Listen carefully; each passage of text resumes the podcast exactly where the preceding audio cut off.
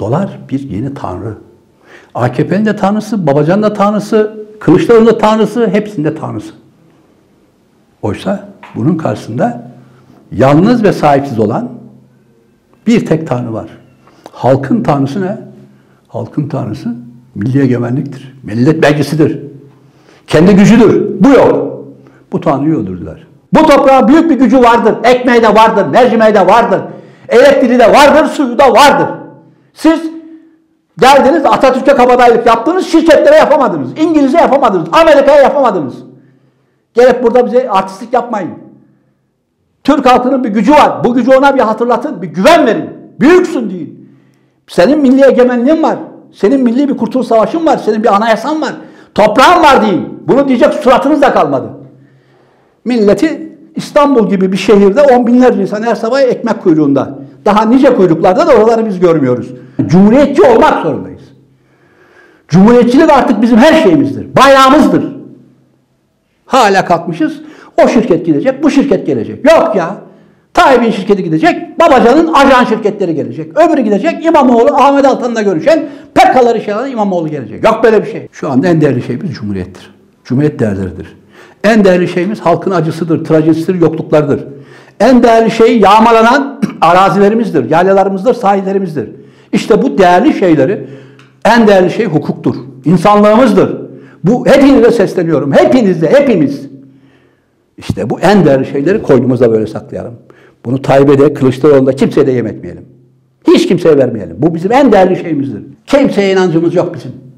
Bizim tek inancımız Türkiye halkıdır. Türkiye'nin topraklarıdır. Konya, Eskişehir, Ankara, Pasinler, Silvan, Urfa, Van, buralardaki dağ başları, oralardaki keçiler, oralardaki otlar, oralardaki madenler ve bunların planlı bir şekilde Türkiye halkına, hizmetine, endüstrisine, sanayisine, kalkınmasına götürecek yoldur. Kazacağız. Madeni bulacağız. Türk milletin iradesini bulana kadar o sahici madeni, bu toprakların derininde akan o ırmakları bulacağız. Gür gür bir ırmak akıyor. Milletin onuruyla oynadınız, gururuyla oynadınız, askeriyle ve hukukuyla oynadınız, cumhuriyetle oynadınız. Türk milleti bu intikamını alacak. Milli iradesiniz, bu halkın çocuklarısınız. Kimseyi eleştirmekten korkmayın. Kimseyi!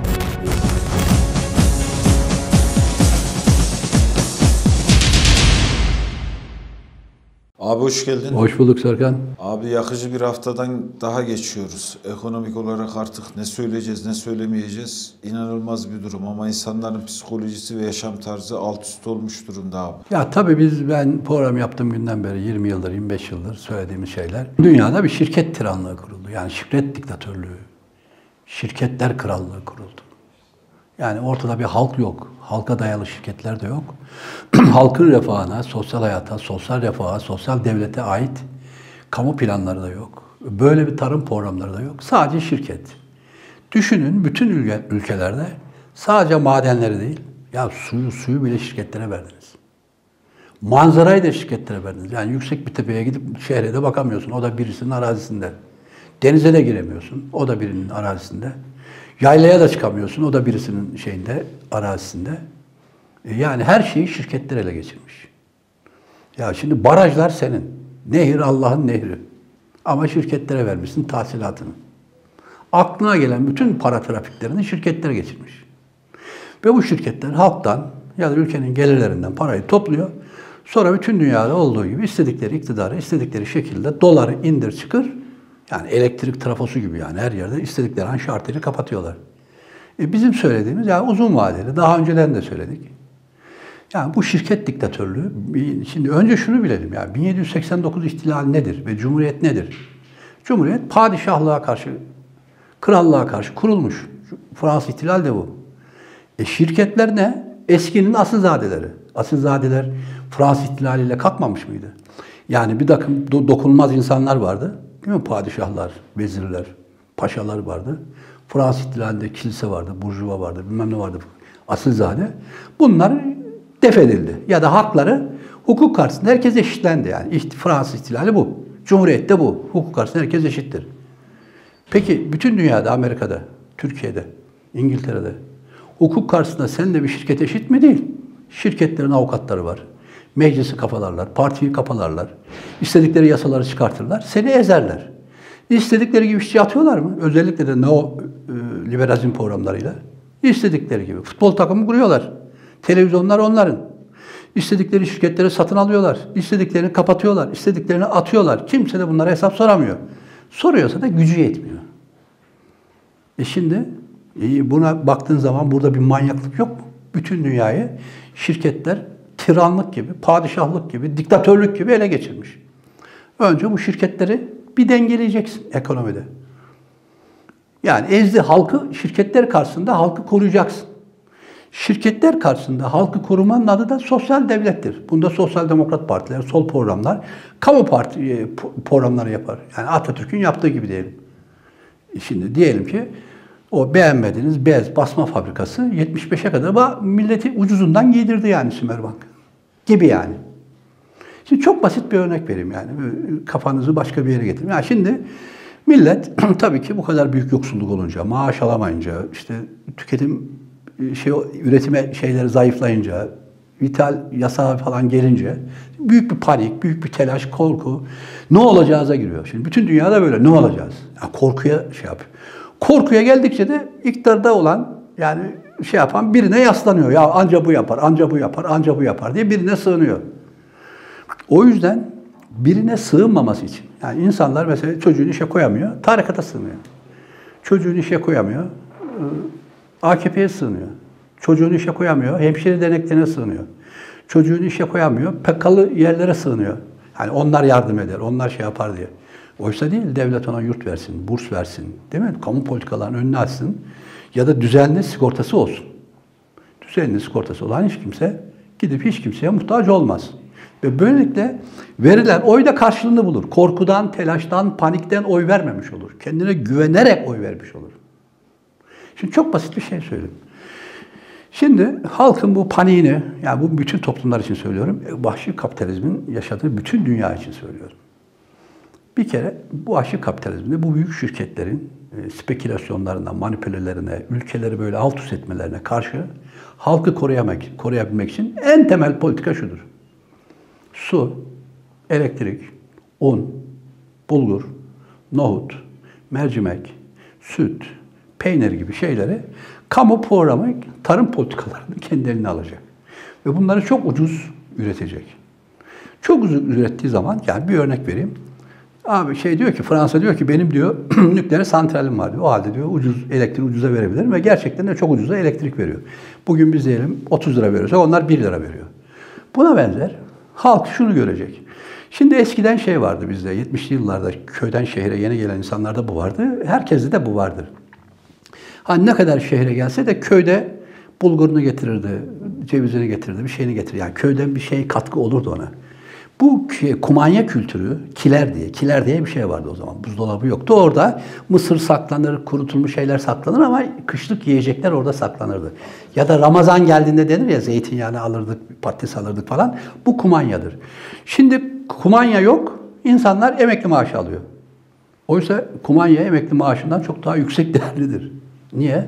Orada patates var, un var, mısır var, ceviz var. Yani kurutun, karnım doyacak en Karnını doyuracak şey. Şimdi eğer senin devlet sana ucuzundan sen şuna devlete güvenirsen ya ben ucuzundan elektriğim ucuz olacak. Bulgurumu, mercimeğimi ucuz. Bugün 15 lira mı? 3 liraya, 4 liraya alabileceğime halk inanırsa panikten çıkar. Ve halk korunmuş olur.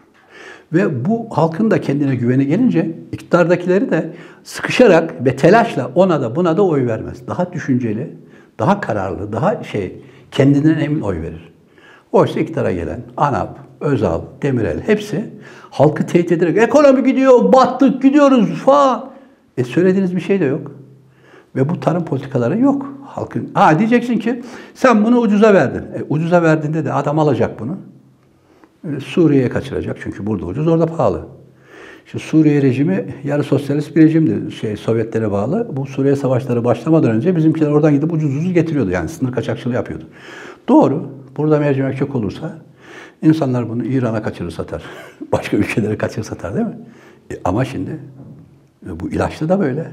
Bugün kanser hastalarının ilacı sayıyla veriliyor. Yani biz buna karne demiyoruz ki. Adam şeker hastasıysa diyor ki şu kadar.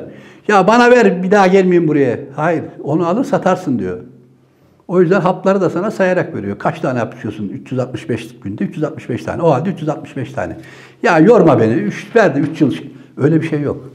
Orada da plan var. Şimdi eczanede de plan var. Bu bulgurda, mercimekte de, unda da, yağda da, temel girdilerde de bir plan olacak ülkenin. Ve nasıl uyuşturucunun yakalandığı zaman büyük cezaları var. E bunun kaçakçılığını yapana da cezasını vereceksin. Devletin otoritesi diye bir şey var. Milletin açlığını, temel girdilerini stokçuluk yapamazsın. Ya da milletin elindeki malı alıp daha pahalı satacağım diye Suriye'ye taşıyamazsın. Değil mi?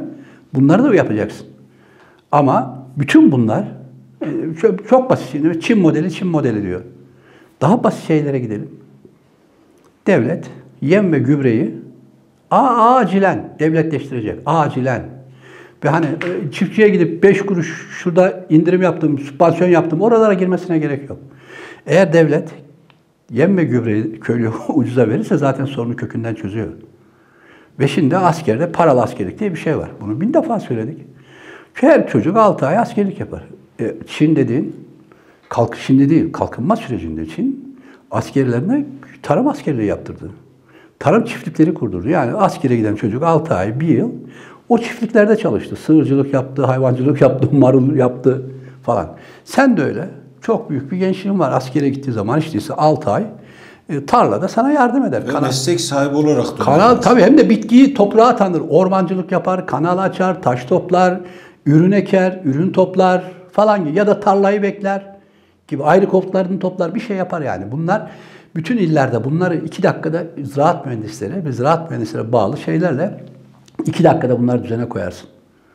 E, yani planlı bir ekonomiyle, planlı tarıma dayalı bir ekonomiyle kalkınırsın demiyorum. Uçarsın da demiyorum. Sadece halkın aç kalma endişelerini elinden alırsın. Ondan sonra tabii ki teknoloji yapacaksın. Tabii ki sanayi yapacaksın. Tabii ki yüksek teknoloji ürünleri yapacaksın. Kalkacaksın cep telefonuna bile girersin. Ara ham maddelerine, ara mamule hepsine girersin. Ama önce halkın bu şeyini gidermek lazım. Korkusunu gidermek lazım. Mesela bir örnek. Şimdi bizim söyleyebilecek bin tane lafımız var. Ama bir tanesi mesela bu. Çok basittir bunlar. Bunlar çok uğraş, devrim gerektiren büyük şeyler değil. Çok hafif. Bir milli seferberlik kararlarıyla, bir iki kararlarıyla askeri müsünü yapacak, köylü müsünü yapacak, gübre ve yemi şey yaptık. Ve şu şu şu şu halkın şey, yiyeceği kadar şeyleri depoluyoruz, stokluyoruz. Mercimeği, unu, buğdayı değil mi? Bütün bunları kontrol ve plan altına kaldın. Hiç değilse insanları rahat ettirirsin. Ve şirketler senin iktidarınla oynayacak, sana açılım politikaları dayatacak, senin ülkenin parçalayacak kadar sana büyük dayatmalar yapmazlar.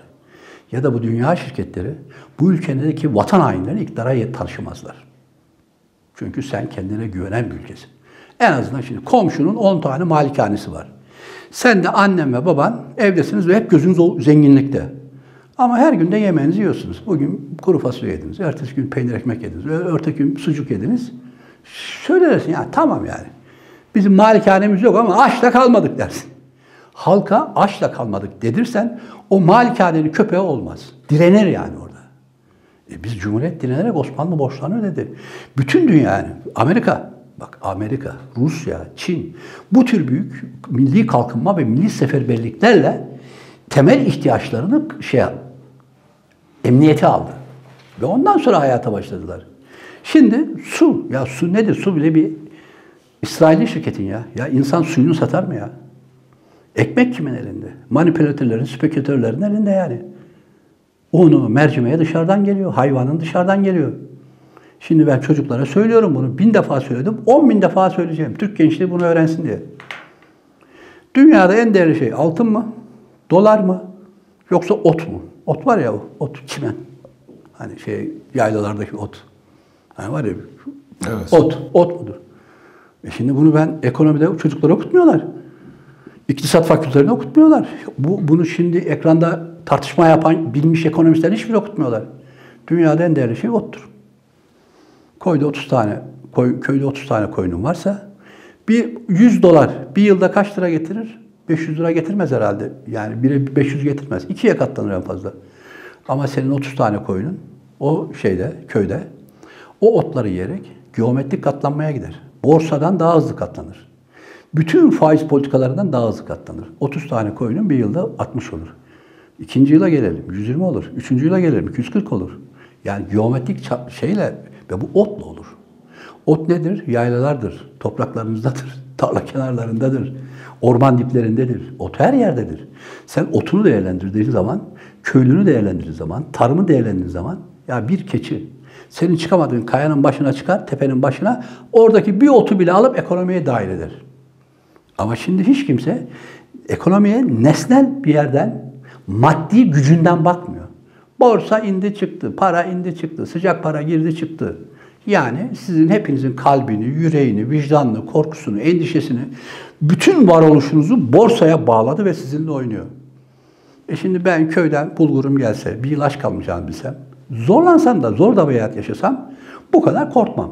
Daha dirayetli insanlar olurum. Daha kendine güven insanlar olurum. Unutma, bütün toplumları ayakta tutan kendine güven insanlardır.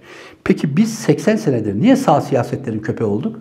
Çünkü artık kendinden korkan, kendine güvenemeyen, toprağına güvenemeyen, ürettiğine güvenemeyen insanlar. Şimdi insan ürettiğine güvenecek. Ürettiği marula, kayısıya, kiraza, üzüme, incire, zeytinyağına, fındığa, bütün bunların endüstriye katma değerlerine güvenecek. Ya ben bundan ilaçla yaparım, ben bunu çikolataya da koyarım diye. Değil mi? 1 dolarsa fındık, çikolataya koyunca 5 dolar Yani neyse işte. Ama sen ne yaptın?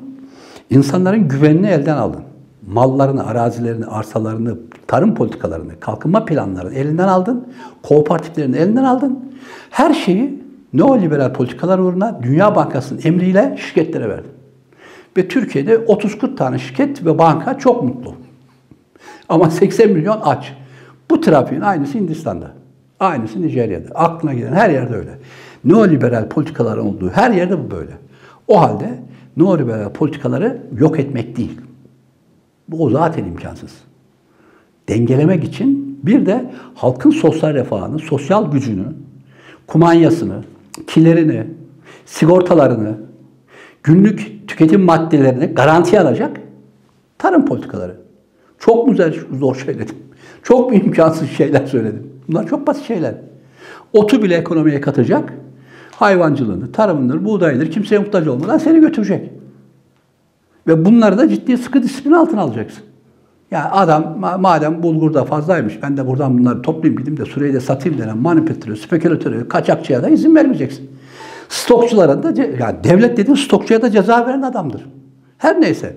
Bunu ben Türk televizyonlarında iki Türk diyorum. İşte bu YouTube'larda, işte televizyonlarda 2000 program yaptıysam üniversitelerde 1000 tane konuş, 500 tane kesin yaptım. Hepsinde de söylemişimdir. Ot nedir, dolar nedir? En temel, bir ülkenin en temel yaşama yeri. Ya kardeşim sen de öyle değil misin? Bir ev tutarken buranın kaloriferi var mı dersin, elektriği var mı dersin, odası var mı dersin yani? Bir ülkede yaşayabilmek için en temel ihtiyaçlarını garanti alacak. Devlet politikalarıyla garanti alacak. Yani bir de biz ununu, mercimeğini üretebilen toprağa sahibiz. Geniş arazilere sahibiz. Niksar Ovası, Silvan Ovası, Pasinler Ovası, Turgut Ovası, Manisa Ovası, Eskişehir, Kanya, bilmem ne, Çukurovalar. Tarihinden bereketli topraklarındayız. Bütün bu planları da çok rahat geçmişte yaptık. Şimdi bundan sonra da çok rahat yapılabilir. Ama neoliberal politikalarıyla Demireller, Özallar ve sonra Tayyipler sizi dünya bankalarına ve dünya neoliberal politikalarına bağladılar. Yani şirketlere, borsaya, kura, kambiyoya, bankaya bağladılar sizi. Ve bütün hayatımız bankaya faiz ödemek ve bütün hayatımız şirketlere. Şu anda da ne yapıyoruz mesela? Şirketlerin futbol takımlarını destekliyoruz. Şirketlerin televizyonlarını seyrediyoruz. Şirketlerin ünlü ettiği sanatçıların yani holdinglerin sanatçılarını alkışlıyor ve onları okuyoruz. Halk diye bir şey yok. Halk diye bir şey yok. Örgütü yok. Kooperatifi yok. Partisi yok. Önce bunu öğrensin. Dolar insene çıksana. Halk diye bir şey yok. Halk dediğim bir tepkidir, milli reflekstir. Kendine güvenendir, ürününe güvenendir, ovasına güvenendir, tarlasına güvenendir, fabrikasına güvenendir, bileğine güvenendir, tarihine güvenendir, egemenliğine güvenendir. Bunu yok ettiler. Tarihten sildiler. Yani böyle insanlar anlasın diye fazla da yoğunlaştırmıyorum ama basit basit şeyler söyleyeyim. Diyelim İmamoğlu iktidara geldi. Biz hani ilk günden söyledik neler olduğunu. Yani bizim de kulağımız delik. Bizim de işte emekli olmuş savcıyla oturuyoruz, öbürüyle oturuyoruz. Bunlar bizim gençken üniversiteden arkadaşlarımız. Bize böyle böyle böyle dediler. Biz de bunları gördük. Bunları da burada söyledik. Beni dövüyorlardı. Burada RP ile pazarlık falan yapıldığını söyledim yani. Ve şimdi çıktı ortaya neler olduğu. Onları geç. Çok basit bir şey söyleyeyim. Şimdi İstanbul'da diyelim basit bir sorun var. Yani bu basit gibi görünüyor ama çok ciddi bir sorundur. Kadı cumartesi ve pazar günleri Kadıköy'ü varoşlardan gelen yüz binlerce çocuk elinde bir şişesi bir de kötü model arabalarıyla basıyorlar. İnsanlarda huzur verdiği yok. Ve Kadıköy'de yürüyemiyorsun. Yürüme var ya yürüme. Hani ben Çin'de eskiden görürdük lan Çin'de kabalık diye. Şimdi yürüyemiyorsun yani. Yani çok basit bir şey söylüyorum. Kadıköy'ün sokağında yürüyemiyorsun. O kadar kalabalık yani böyle tıkalı. Maç çıkışı maç kilitleri de böyle kalırsın ya öyle. Niye? Bütün insanlar tek bir şeyle, birayla eğleniyor. Bira bira. Bunun yan ürünleri de vardır da o şeydir yani nihayetinde yüz binde birdir yani. Kurumu şeyle başka şeyler. Ama bira yani. Birayı alacaklar. Şehrinde bir iki tane semtini basıyorlar. Kadıköy moda gibi. E şimdi burada İstanbul Belediyesi var. İstanbul Belediyesi yüz binlerce insanın bir şehrin bir semtine toplandığını görmüyor mu? Burada yapılacak şey çok basittir. Basit olan şey şudur. Yan semtlerde bile eğlence çeşitliliğini artıracaksın. Diyelim ki yan semtlerde bile konserleri artır. Ya da sokak repertuarlarını çoğalt. Sokakta performans veren sanatçıları belediye şey yapsın. Sokaklarda saz çalsınlar, türkü çalsınlar, rap, dans bilmem ne. Ya da yan semtlerdeki salonları çoğalt. Tiyatro, skeç, rap, müzikal neyse işte neye yatarsa. Ya da yan semtlerdeki kafelerin gelirlerini daha ucuz al. Yani çocuklar kendi semtlerinde konsere gidebilsin. Ya da cuma, cumartesi akşamı yan semtlerde 7-8 tanesinde yan semtlerde büyük performanslar olsun. Hani çocukların 10 tanesi semtinde kalsın da 5'i dışarı çıksın. Şimdi öyle değil. Çocuğum semti akşam olduğu zaman karanlık hiçbir şey yok. Mecburen oraya akıyor. Ve 500 bin insan akıyor. Ve tek bir şey birayla. E şimdi bu çocukların eğlence kültürünü skeçti, tiyatroydu, sinemaydı, rapti, sokak performansı, danstı diye çoğaltman mümkün. Bunların hiçbirini yapmıyorsun. İki sokağa tıkalı kalmış. İnsanlar da e, Moğol sürüleri gibi böyle tek bir iki sokak. göç, göçle gelen yok. Göçle gelenler başka da şey bak. insanları zenginleştireceksin. Sokaklarını zenginleştireceksin. İçme kültürlerini, eğlence kültürlerini zenginleştireceksin. O yüzden buraların mesela sen bu yan semtleri güçlendirirsen 30 bin, 40 binde performans sanatçısı, tiyatro sanatçısı, müzik sanatçısı, sazcısı, tiyatrocusu, kafecisi de iş bulmuş olur. Şimdi bak buraya geldi. Bunların hiçbirini yaptı mı yapmadı. Şimdi benim bu söylediğimi hiçbir yerden duydunuz mu? Oysa bu dünyanın her yerinde böyledir. Bir iki yeri eğlence sektörü e, sıkışmasın, yoğunluk olmasın diye yanında iki sokağa da performans verirler. Yani oralara da konser, tiyatro, sinema diyerek çeşitlerine yani 3-4 sokaktan 5-6 sokağa çıkartırlar. Ve bunu da belediyeler öncülük eder. Yani orada 10-15 Şehir planlaması. Şehir işte. pe- 10-15 tane performans sanatçısı. Yani sadece Tunalı'da değil de e, yukarıda da yap, aşağıda yap. Git Maman sokaklarında da performans sanatçıları olsun. Yani hepsi bir yere akmasın yani. Şimdi bu kuş bakışı şehire bakacak bakabilmeniz için sosyoloji bilmeniz, siyaset bilmeniz, tarih bilmeniz, ekonomi bilmeniz, ya çok şey de bilmeniz gerekmez yani. Şu kadar akıl yetiyor. Şu kadar akıl yeter akıl yani. yeter. Ben gidip o yan semtlerde konser, kafeleri ucuzlatırsam, e, eğlence sektörünü orada çe- çeşitlendirirsem 10 kişi gelecekken Kadıköy'e 3 kişi gelir. Bu kadar basit yani. Bunların hiçbirinde yaptığı yok. Ama şimdi yani sevmediğim de adamlar yani söylüyor. Biz diyor her yıl diyor buraya diyor depreme dayanıklı 5000 tane konut yapıyorduk diyor İstanbul'a. İmamoğlu geldiği günden beri diyor bir tane yapmadı diyor. Sıfır. E nereye gitti para? Peki ama yapmadı ama diyor 800 milyonu da şeye vermiş, reklama vermiş. Billboard tarafı. Billboardlara. Billboardlarda kimde? Soner Yalçın, Birant bilmem ne o gibi reklam şirketlerin falandır. Yani bir takım reklam şirketlerine billboardlara veriyor. Biz şunu yaptık, biz geliyoruz, her şey güzel olacak gibi bir şey var. Ama sadece bir örneğini verdim. Yani işin öbür trafiğine girersen başka, öbür tarafına Radyosu, girersen başka, televizyonu. halk ekmeğe girersen hepsinde başka fikirler üretebiliriz.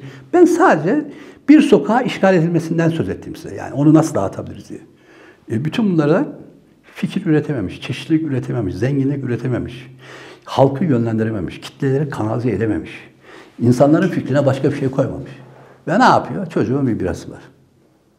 Bu çocuk benim. Ben hayatımda öyleydi. Bir bira. Başka bir şey yok. Ya bir de şurada kalabalığa bir girelim. Değil mi? Elinde bira bir de bir kalabalığa giriyor.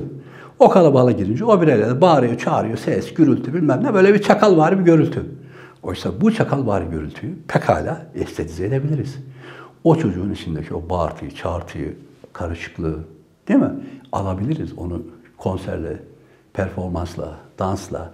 Daha ehlileştirebiliriz onu yani. Şehir niye vardır? Medeniyet için vardır. Şehir niye vardır? İnsan davranışlarının hepsine estetik bir güzellik davranışlarımıza bir şey katmak için vardır. E sen gittikçe çakallaştırıyorsun. İstanbul büyüdükçe sanki çakalların, domuz sürülerinin, Moğol sürülerinin trafiği haline geliyor. Kim kimi vurdu, kim kime sarktı, kim kime laf etti. Bununla polisin de uğraşması mümkün değil.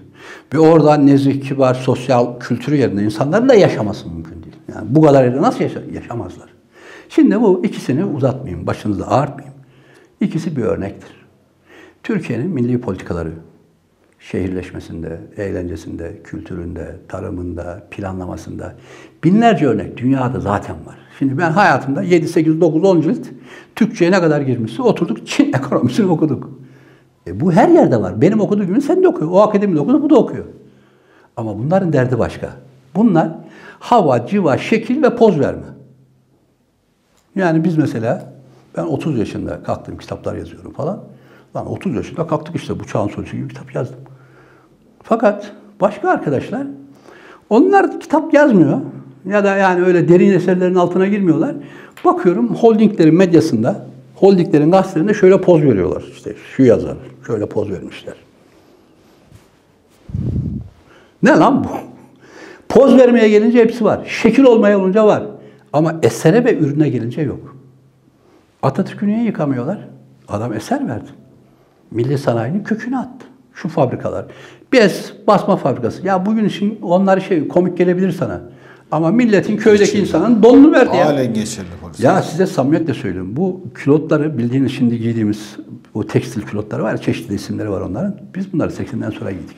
O saate kadar bütün hepimizin annesi babası Sümer Bakar gider bez keser bezle don yapardı. Sadece bana değil köylünün çocuğu da öyle zengin de öyle. Lastikle de geçirirdik. Yani 80'e kadar o Atatürk'ün o be, beğenmediği Sümer Bankı biz 80'e kadar götümüze don oldu yani. Ve köylü çocukları. O ne kadar güzeldir. O Kürt çocuklarını ben gidip o dağlarda görürdüm. O sarı, lacivert böyle yanan alev gibi şey. Basma, basma elbiseler giyerdi o Kürt kızları. Dünya kadar da güzellik verirdi onlara dağ başında. O Sümerbank'ın o şeysi. Bordo mavi veriyordu. O acayip güzel. Tabii, tabii canım o mavi böyle yanıyor elbise ya. Küçük incecik bir Kürt kızı bakıyorum keçilerin başında. Aklımı alır yani. Yani bir estetik bir şey de verdi. Yani bir güzellik de verdi. Böyle çok ağım şam şeyler demiyorum.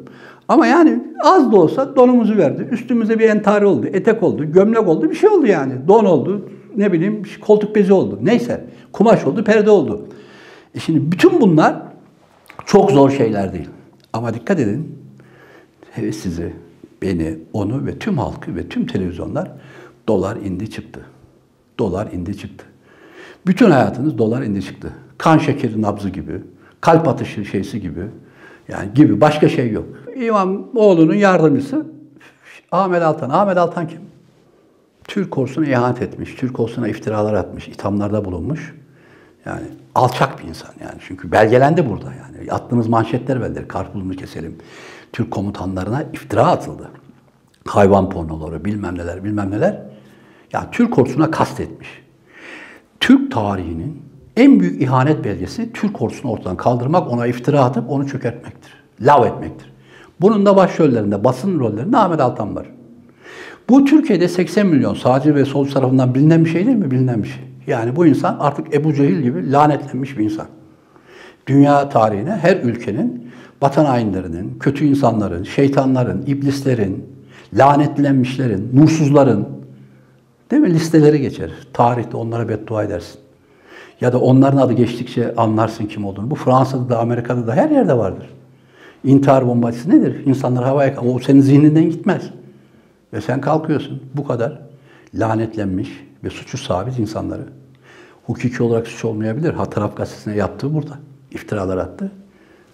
Türk halkının, cumhuriyetçilerin, Atatürkçülerin verdiği oyla iktidara gelmiş İmamoğlu Ahmet Altan'la görüşüyor. Bir de el bebek gül bebek. Nihat Genç'le görüşmüyor yani. Ahmet Altan'la görüşüyor. Ya da etrafına bak. Ne görüştüğünü ben tahmin edebiliyorum. O reklam paraların nerelere gittiğinde yan şirketleri görülüyor orada. İlişki tarzları. Yanına etrafına bak. Ya şey diyor ki iddialar ortaya resmileşti. İşte bu kadar belgesi henüz ortaya çıkmamış ama yani çok bilgisini çok net. HDP ile anlaşılmış. Şu, şu adamlar buraya sızmış. Yani PKK'ya, Kandil'den insanlar buralara sızmış, HDP ile pazarlık. Tamam bunlar da söylüyoruz. E sen de kalktı ki İmamoğlu, ya benim yanımda da şu cumhuriyetçiye danışman var. Danışmanlarımdan biri de Atatürkçüdür, biri de cumhuriyetçidir, biri de vatanseverdir. Yok böyle bir şey de yok. Yani halkın emin olduğu, halkın tamam bak şuna güvenebiliriz dediği böyle bir vatansever bir danışman da yok. Böyle de adamlar. Şimdi Türkiye bu kadar büyük ekonomik kriz, bu kadar büyük sarsıntı içinde halk güvenini kaybetmiş ve size güven diye verdikleri adam da İngiliz borsasının, İngiliz Chatham House'un, İngiltere'deki para babalarının, İngiltere'deki fonların sana güttüğü siyasilerin peşinden gidiyorsun. Bu nedir? Bu artık insan cinnet halinde, hani öyle bir aklın, gözün kararıyor da kime vurduğunu bilmiyorsun, eline ne aldığını bilmiyorsun ya. Halk da, siyasiler de böyle bir hal yaşıyor. Kendine güvenlerini kaybetmiş. Ülke, bir ülkelerin olup olmadığını bilmiyor. Ülkelerinin gücü, maddi gücünün ne olduğunu, planın ne olduğunu, kalkınmanın ne olduğunu, egemenliğin ne olduğunu bunları bilmeyen bir şey var. Ha tamam. E bir de sen mesela siyasi bir parti olarak halka gücünü öğretin.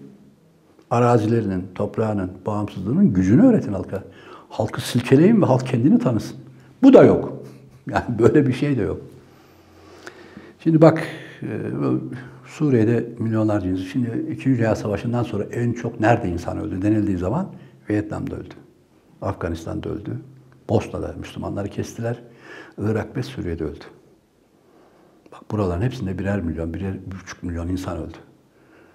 Hepsi de Müslüman topraklarda öldü yani bu insanların. Bunun bir istisnası var. Burada ölen insanların hepsinden çok insan Orta Afrika'da, Kongo'da öldü. 60'tan sonra 30 yıl savaş sürdü. Ve 2000'li, 5'li, 10'lu yıllarda da burada çok büyük bir savaş çıktı ve bitmiyor iç savaş. Sorun iç savaşın niye bitmiş? Oraya geleceğim. Ve burada 5 milyon insan öldü. Yani inanılmaz. Ve ülke şu anda topraklarında hakim değil. Bir grup o tarafa hakim, bir taraf bu tarafa hakim. Sebebi, iki tane sebebi var. Teknik sebebi, bu Kongo'da bu cep telefonlarının içine giren, bilgisayarların ve televizyonların içine giren çok özel madenler üretiliyor. Yani dünyanın bütün büyük teknolojik firmalara Kongo'ya ihtiyacı var. Burada 5 milyon insan ölünce teknoloji şirketleri de aralarında ya biz oradan satın aldıkça burada iş savaş bitmiyor. Kongo'dan mal almayalım gibi laflar da diyorlar. Boykotlara da diyor. Güçleri yetmiyor ama e, bu sefer de Çin alıyor canım yani Rusya alıyor. Yani onu durdurmak mümkün değil. Fakat burada bir şey var. Yani Kongo İç Savaşı'na bir tarihçi olarak girdiğin zaman bu iş savaş niye bitmiyor? Yani nihayetinde 10 yıl sürer. Bir taraf bir tarafa üstün gelir, 3 yıl sonra biter. Ama bitmiyor. Sebebi emperyalizmden Kongo'yu kurtaran Lubumba diye bir adam var. Lubumba. Yani Atatürk'ün karşılığı diyelim. Bir yıl yaşayabildi adam. Millet İngilizlere karşı Kongo'yu kurtardı. Ama kurtarı kurtarmadı. Onu arkadaşları sattı, üstüne darbe yaptı. Ve orada iktidarı ele aldılar. Lumumba'yı idam ettiler. Lumumba idam edilince halkın arasından büyük bir ikilik çıktı. Yani bizim başımız kimdir? Şimdi burada soru şu. Kurucu parti, kurucu kahraman. Yani Kongo'yu bir arada gezecek. Kurucu kahraman kim? Kurucu parti kim? Biz Lumumba kahramanımız mı? Yoksa Lumumba'yı devren mi kahramandır?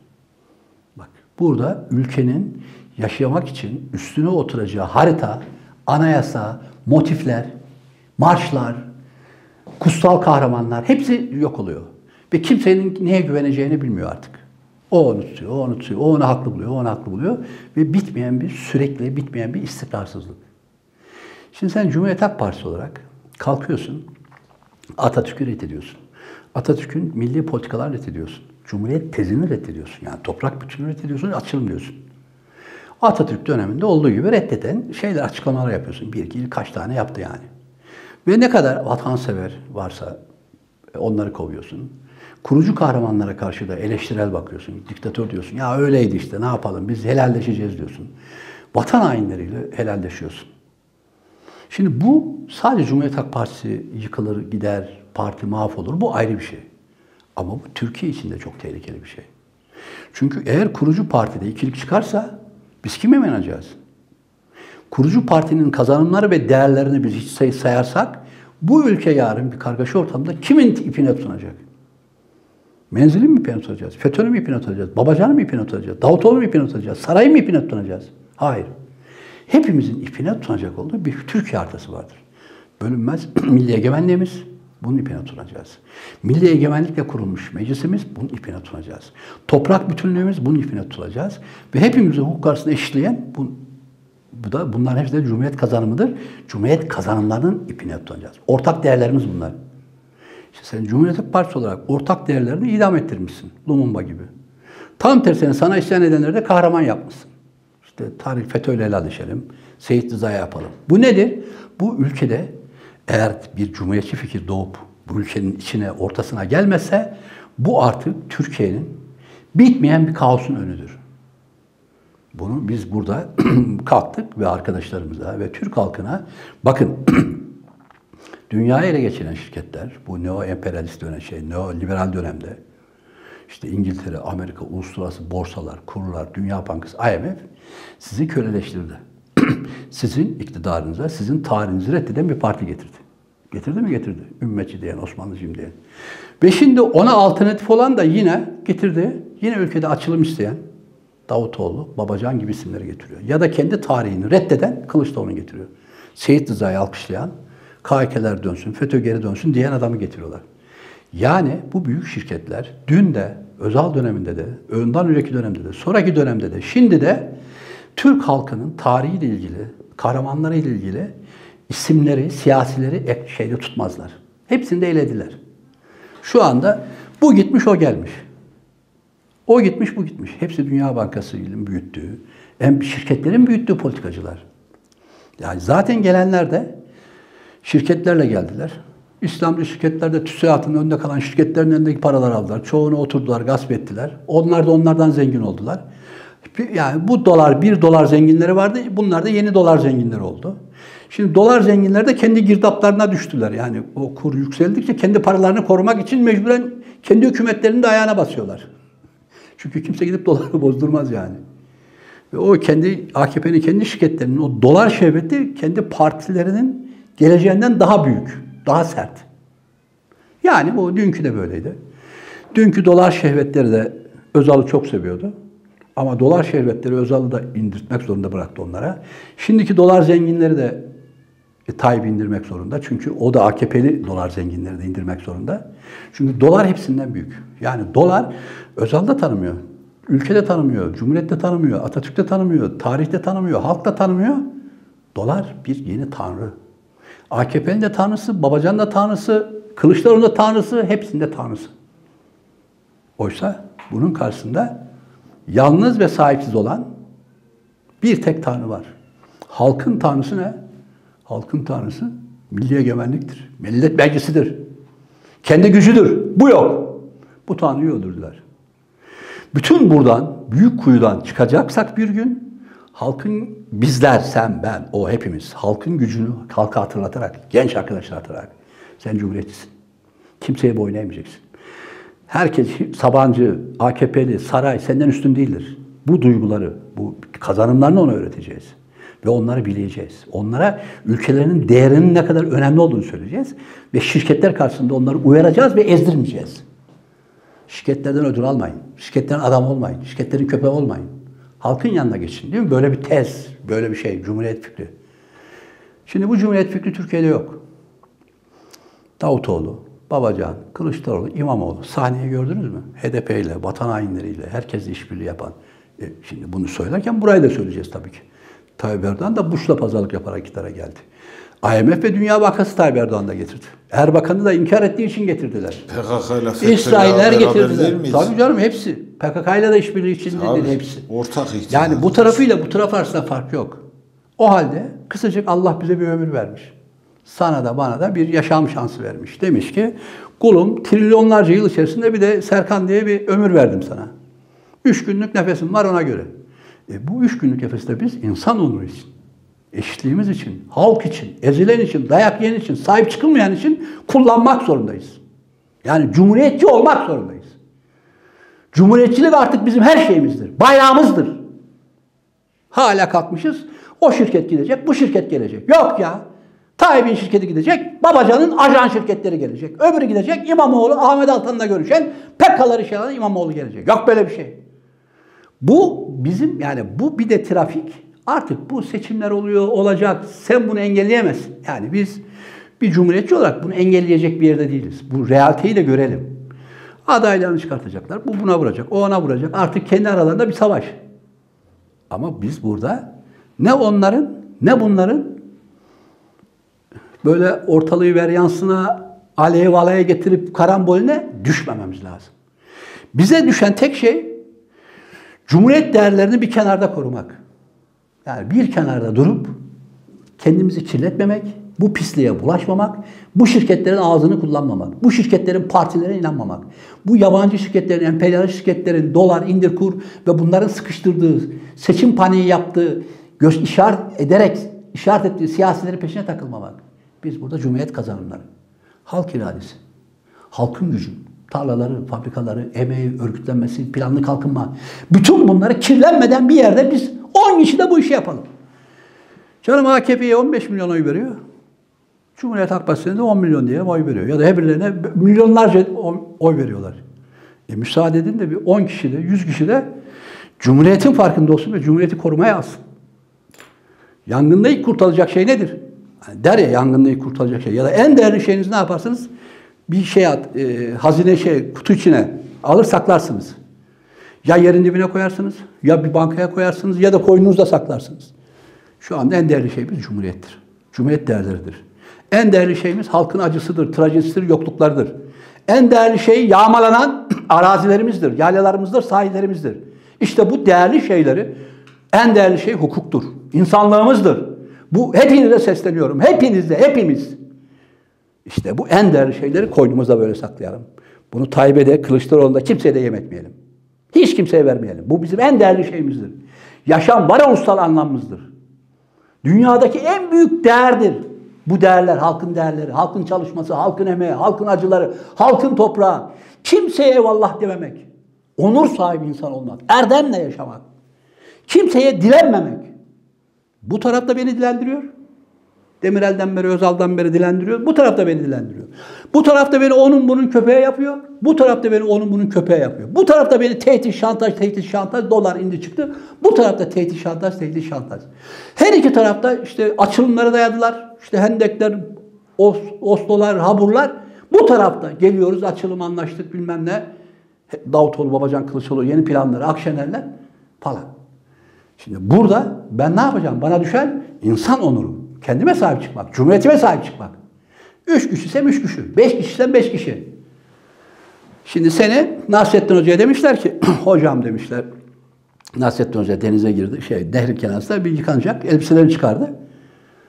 Ya hocam biraz sonra kıyamet kopacak, senin şu ateşi seni elbiselerle yakalım. Bak bak, hoca diyor, biraz sonra kıyamet çıkacak diyor. Ateşi diyor sen elbiselerle yakalım. E yakın. Sonra kıyamet de çıkmıyor. Affedersin daldaşak kalıyor. Şimdi biraz sonra kıyamet çıkacak. Ne yapalım? Kılıçdaroğlu ne yapalım? İmamoğlu ne yapalım? Cumhuriyeti yakalım. Kazanımlarını yakalım. Toprak bütünlüğünü yakalım. Anayasanın en temel maddelerini yakalım. Bizi var eden değerleri yakalım. Cumhuriyetin ilk dönemine küfredelim. Kurucu babalarımızı reddedelim. Ülkeyi kaosa getirecek panikler, telaşlar, güvensizlikler oluşturalım. Niye biraz sonra seçim geliyor falan. Kimseye inancımız yok bizim. Bizim tek inancımız Türkiye halkıdır. Türkiye'nin topraklarıdır. Konya, Eskişehir, Ankara, Pasinler, Silvan, Urfa, Van, buralardaki dağ başları, oralardaki keçiler, oralardaki otlar, oralardaki madenler ve bunların planlı bir şekilde Türkiye halkına, hizmetine, endüstrisine, sanayisine, kalkınmasına götürecek yoldur. Burada ben uydurmuyorum. 100 senedir de böyle bir kalkınma planlarının içinden geliyoruz. Karma ekonomisinden geliyoruz. Kamu politikalarının içinden geliyoruz. Sosyal devleti düşünmüş. Benim gençliğimde bu yurtlar yoktu. Her iller vadisinin Tokat yurdu, Yozgat yurdu, Trabzon yurdu, Amasya yurdu vardı.